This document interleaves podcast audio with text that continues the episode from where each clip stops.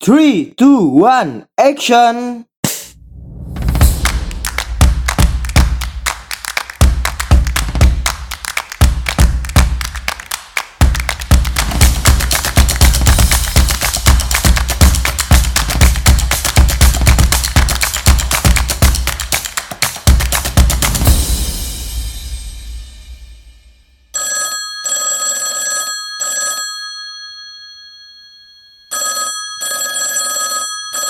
Halo, selamat datang kembali di Polboy MA, tentunya di program Anak Komunikasi. Yeay. Oke, para pendengar Polboy MA, pada perkuliahan metode penelitian kuantitatif, pada pertemuan pertama sekali kita sudah menjelaskan tentang perbedaan antara penelitian kualitatif dan kuantitatif. Dan pada penelitian kedua, kita sudah menjelaskan sedikit ya, jadi gambaran tentang penelitian dan penelitian kuantitatif. Dan pada pertemuan kali ini kita akan spesifik langsung pada metode dari penelitian kuantitatif itu sendiri, yaitu adalah penelitian survei. Kenapa ini menjadi penting? Karena ya metodenya dari penelitian kuantitatif ya eksperimen dan survei saja. Sehingga kalau kita bicara eksperimen, apa ya, itu dalam penelitian sosial sangat jarang dilakukan ya karena eksperimen itu bersifat sesuatu apa misalkan menemukan uh, obat corona yaitu penelitian eksakta. Jadi mereka lakukan eksperimen apakah dengan uh, menggunakan minyak kayu putih dan madu itu bisa mendapatkan uh, sebuah apa ya sebuah obat untuk corona. Nah begitu juga dengan penelitian di penelitian sosial ini. Apakah misalkan dengan uh, keadaan seperti ini ya keadaan masyarakat yang seperti ini dengan didatangkan peralatan misalkan uh, teknologi akan pengaruhi atau tidak. Nah, sehingga itu uh, hampir seperti apa ya penelitian yang uh, kita tidak perlu detail menjelaskan. Nah, tergantung nanti analisa-analisa sosial yang kita lakukan. Nah, kita lebih banyak fokus ke penelitian survei. Ya, penelitian survei dan non survei juga nanti akan saya bahas juga ya sedikit tentang penelitian non survei. Yang pertama, saya mengambil pembahasan ini di buku Profesor Dr. Dr. Amuri Yusuf MPD. Ya, beliau menulis tentang metode penelitian kuantitatif, kualitatif, dan penelitian gabungan. Nah, pada pada pertemuan minggu lalu kan sudah saya jelaskan ya. Jadi ada tiga metode. Pertama adalah kualitatif, yang kedua adalah kuantitatif, dan yang ketiga adalah gabungan. Seperti yang ada beberapa mahasiswa menanyakan, bisa nggak sih digabungkan antara penelitian kuantitatif dan kualitatif? Dan itu bisa disebut dengan penelitian gabungan. Nah, langsung saja kita akan bahas tentang penelitian survei. Klasifikasi lain dalam membedakan penelitian yaitu dengan membandingkan instrumen yang digunakan dalam mengumpulkan informasi, yaitu penelitian survei dan penelitian non-survei. Dalam ilmu sosial, ya, survei sering dilakukan. Survei merupakan suatu cara untuk mengumpulkan informasi dari sejumlah besar individu dengan menggunakan kuesioner. Ya, kuesioner itu adalah pertanyaan-pertanyaan ya yang akan diberikan kepada responden yang dilakukan dengan cara interview atau melalui post by email atau telepon. Jadi, ya dalam penelitian survei itu disahkan ya dengan cara menggunakan email atau post ya atau yang terakhir bisa juga menggunakan telepon. Tetapi persebarannya juga harus proporsional. Gimana caranya nanti di pertemuan selanjutnya ya detail kita jelaskan cara memproporsionalkan responden. Kira-kira persebarannya itu sembarangan atau ada hitungannya? Tentu semuanya ada hitungannya. Ya, tujuan utama penelitian survei yaitu untuk menggambarkan karakteristik dari populasi. Ya, Warwick dan Lininger tahun 1975 menyatakan ya, survey is method of collecting information about a human population in which direct contact is made with the unit of study, individual, organization, communication, etc. Proxat system means as questionnaire and interview schedule.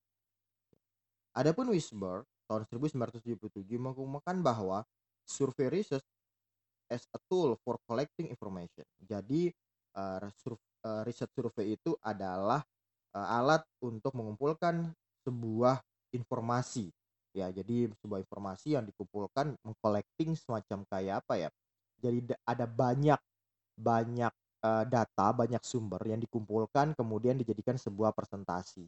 Ya, dijadikan sebuah uh, ini loh gambarannya misalkan seperti itu dari 1.200 responden ada 30% menyatakan uh, setuju misalkan dengan kinerja bupati itu baik ketika apa apa bla bla bla bla seperti itu ya dengan demikian jelaslah bahwa penelitian survei merupakan suatu penyelidikan yang sistematis dalam mengumpulkan informasi yang berhubungan dengan suatu objek studi dengan menggunakan kuesioner atau daftar pertanyaan yang telah terstruktur. Justru karena itu, penelitian survei mempunyai karakteristik tersendiri yang berbeda dengan penelitian yang lain, baik dilihat teknik pengumpulan data maupun subjek penelitian. Secara spesifik, ya, Frankel dan Whelan mengemukakan tiga karakteristik penelitian survei. Yang pertama, jadi ini tiga karakteristik penelitian survei ya. Yang pertama yaitu informasi dikumpulkan dari sekelompok orang supaya dapat menggambarkan aspek atau karakteristik populasi. Nah, jadi e, memang yang awal dilakukan yaitu adalah menentukan populasinya berapa, kemudian baru dicari sampel dari populasi itu sehingga sampel itu sebenarnya itu dia e, apa ya, sudah mewakili atau melakukan keterwakilan. Contoh deh misalkan seperti ini yang sering sekali dijelaskan oleh e, beberapa peneliti-peneliti kuantitatif. Apakah sampel itu bisa menggambarkan sebuah populasi? Simple analoginya seperti ini. Ketika ada penjual bakso, ya, si penjual bakso A lah gitu. Kita ingin mengetahui apakah bakso itu enak atau tidak, ya. Apakah kita perlu memakan satu rombong bakso? Nggak perlu kan? Gitu. Tapi kita perlu ambil satu mangkok saja, tapi yang berisi nah yang berisi sampel ya, satu pentolan besar, lima pentolan kecil, ada mie kuning, mie putih, sayur, cabai, saus, kecap. Nah, cara atau jumlah sampel yang di dalam mangkuk itu kalau proporsional, kalau benar, maka kita akan mengetahui rasa sebenarnya dari satu rombong bakso itu. Seperti itulah gambarannya. Jadi kita nggak perlu harus memakan satu rombong bakso untuk mengetahui apakah itu enak atau tidak baksonya. Sama dengan misalkan kita nggak perlu juga tahu apakah masyarakat itu uh, apa ya suka atau tidak suka gitu. Atau dia itu puas atau tidak puas dengan kinerja salah satu pemimpin daerah gitu ya. Dia nggak perlu satu persatu tanya semuanya. Tapi kalau sampelnya proporsional ya orang-orang yang dipilih ini benar kayak gitu ya jumlahnya tepat persebarannya tepat ya sama kayak baksonya itu eh, kalau kita mau makan bakso kayak gitu ya apakah itu enak apa enggak tapi kita cuma pentolannya cuma satu pentolan kecil juga nggak pakai mie kuning mie putih nggak pakai saus kecap hanya kuah saja misalnya gitu ya mungkin kita bisa ngerasakan langsung baksonya gitu ya tetapi kita nggak tahu kalau misalkan ada mie kuning dan mie putih ini akan menjadi bagaimana rasanya tapi ketika semuanya itu dicampurkan misalkan proporsional ya ditaruh gitu ya kemudian kita makan, kita mengetahui rasa satu apa ya, satu rombong bakso itu hanya dengan satu mangkuk. Nah, itulah analoginya sebenarnya antara populasi dengan sampel. Yang kedua adalah teknik utama yang digunakan dalam pengumpulan informasi yaitu dengan mengajukan pertanyaan. Nah, jadi modelnya itu adalah bukan kuesioner atau lembar pertanyaan itu ditinggalkan kepada si responden. Tidak. Jadi setelah dapat sampel tadi ya kita mencari respondennya. Nah, dari sampel itu Nah, caranya itu nggak ditinggalkan, tapi melakukan pertanyaan apa, uh, tanya jawab ya.